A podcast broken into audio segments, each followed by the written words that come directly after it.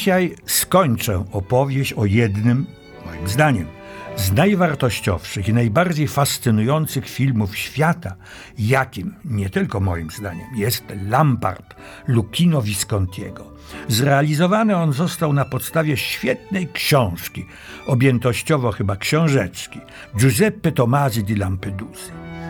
Autor, opisując moment zjednoczenia Włoch, ucieka od typowego hurra patriotyzmu na rzecz głębszej refleksji historycznej. W takim ujęciu Lampard jest opowieścią o przeczuciu końca starego porządku, dziełem nowoczesnym, ale na swój sposób dekadenckim.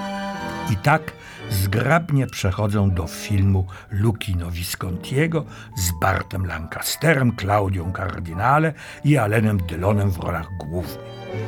Zderzenie świata starego, konkretnie feudalnego, arystokratycznego, ze światem nowym, rewolucyjnym, narodowym, mieszczańskim, tworzy z powieści i filmu idealną jedność, niezależnie od takich czy innych skrótów i zmian fabularnych. Nie będę Państwu opowiadał szczegółowo przebiegu akcji, bo Państwo ją znacie z lektury i z filmu. Natomiast przypomnę głównych bohaterów i dramatyczne losy dzieła Viscontiego. Postać główna, tytułowa, to książę sycylijski Fabrizio Salina. Człowiek stateczny, inteligentny, mądry, no o kulturze osobistej nawet nie wspominam, który widzi nieuchronność zmian i schyłek jego świata. Ale wie też, że te konieczne zmiany przyniosą ze sobą, zresztą bardzo szybko, nowe bezprawie, niesprawiedliwość, cierpienie. Wysłannikowi króla Wiktora Emanuela mówi wprost: Jestem przedstawicielem dawnej sfery rządzącej. Należę do pokolenia, które znalazło się na przełomie starych i nowych czasów i które ani tu, ani tam nie czuje się dobrze, a trochę dosadniej. Po nas, lwach, przyjdą szakale. I żeby jednak nie rzucać na pożarcie przez te szakale swoich najbliższych, pozwala na zaręczyny, w perspektywie oczywiście ślub, swego siostrzeńca Tancrediego, ambitnego, pnącego się po szczeblach kariery, równie inteligentnego co ojciec, z córką miejscowego burmistrza, równie prężnego co prymitywnego noworysza, który zdobył majątek i poklask na handlu ziemią, reprezentanta nowego porządku, nowego, rodzącego się w bólach i krwi świata. A córka Angelika Senara jest piękna nad wyraz, miła, urocza i równie inteligentna jak jej partnerzy w tej subtelnej, choć wyraźnej grze. Nie może być zresztą inaczej, skoro grają i to fantastycznie Klaudia Cardinale, o której nie tak dawno temu szczegółowo opowiadałem. To Angelika będzie rodziła nowe pokolenie, powstałe z mariażu, dosłownie i w przenośni, dotychczasowych panów Sycylii, szerzej Włoch, z nowymi. Słuchacie Odeonu Stanisława Janickiego w RMF Classic. Tak historia potoczyła się swoimi torami, a losy filmu swoimi.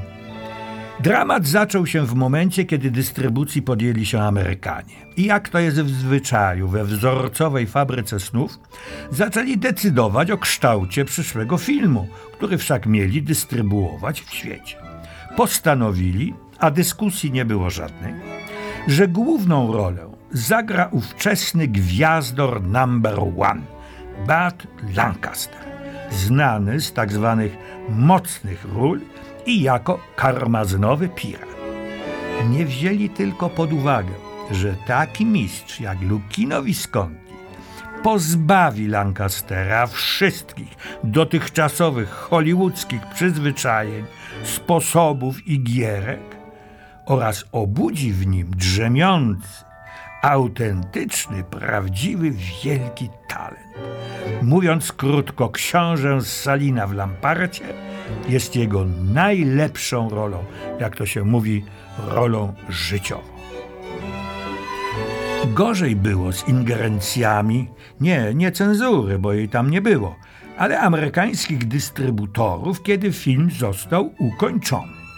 Najpierw zmusili reżysera do dokonania drastycznych skrótów o kilkanaście minut. Potem, kiedy sporządzali ogólnoświatową wersję anglojęzyczną, dokonali już absolutnie samowolnie, ale zgodnie ze swoją umową i stosowanymi praktykami dalszych skrótów o 20 minut. I taką wersję oglądaliśmy przed laty również w Polsce. Mimo to film odnosił prawdziwe triumfy. Jurorzy Międzynarodowego Festiwalu Filmowego w Wenecji nie mieli żadnych wątpliwości. Lampard otrzymał Złotego Lwa.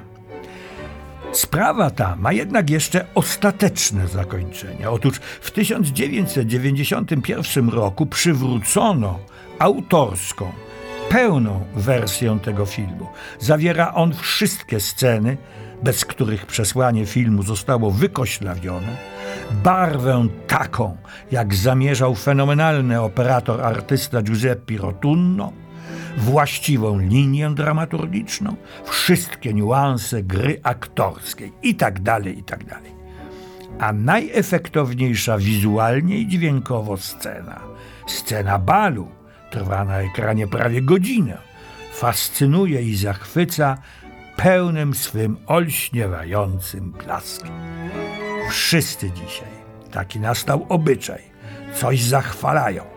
Proszki do prania, pasty do zębów, zupki z torebki, jedyne korzystne pożyczki. No to i ja zachwalę. Film Lucchino Viscontiego według powieści Giuseppe Tomasi di Lampeduzy z Bartem Lancasterem, Alenem Delonem i Claudią Kardynale, Lampard.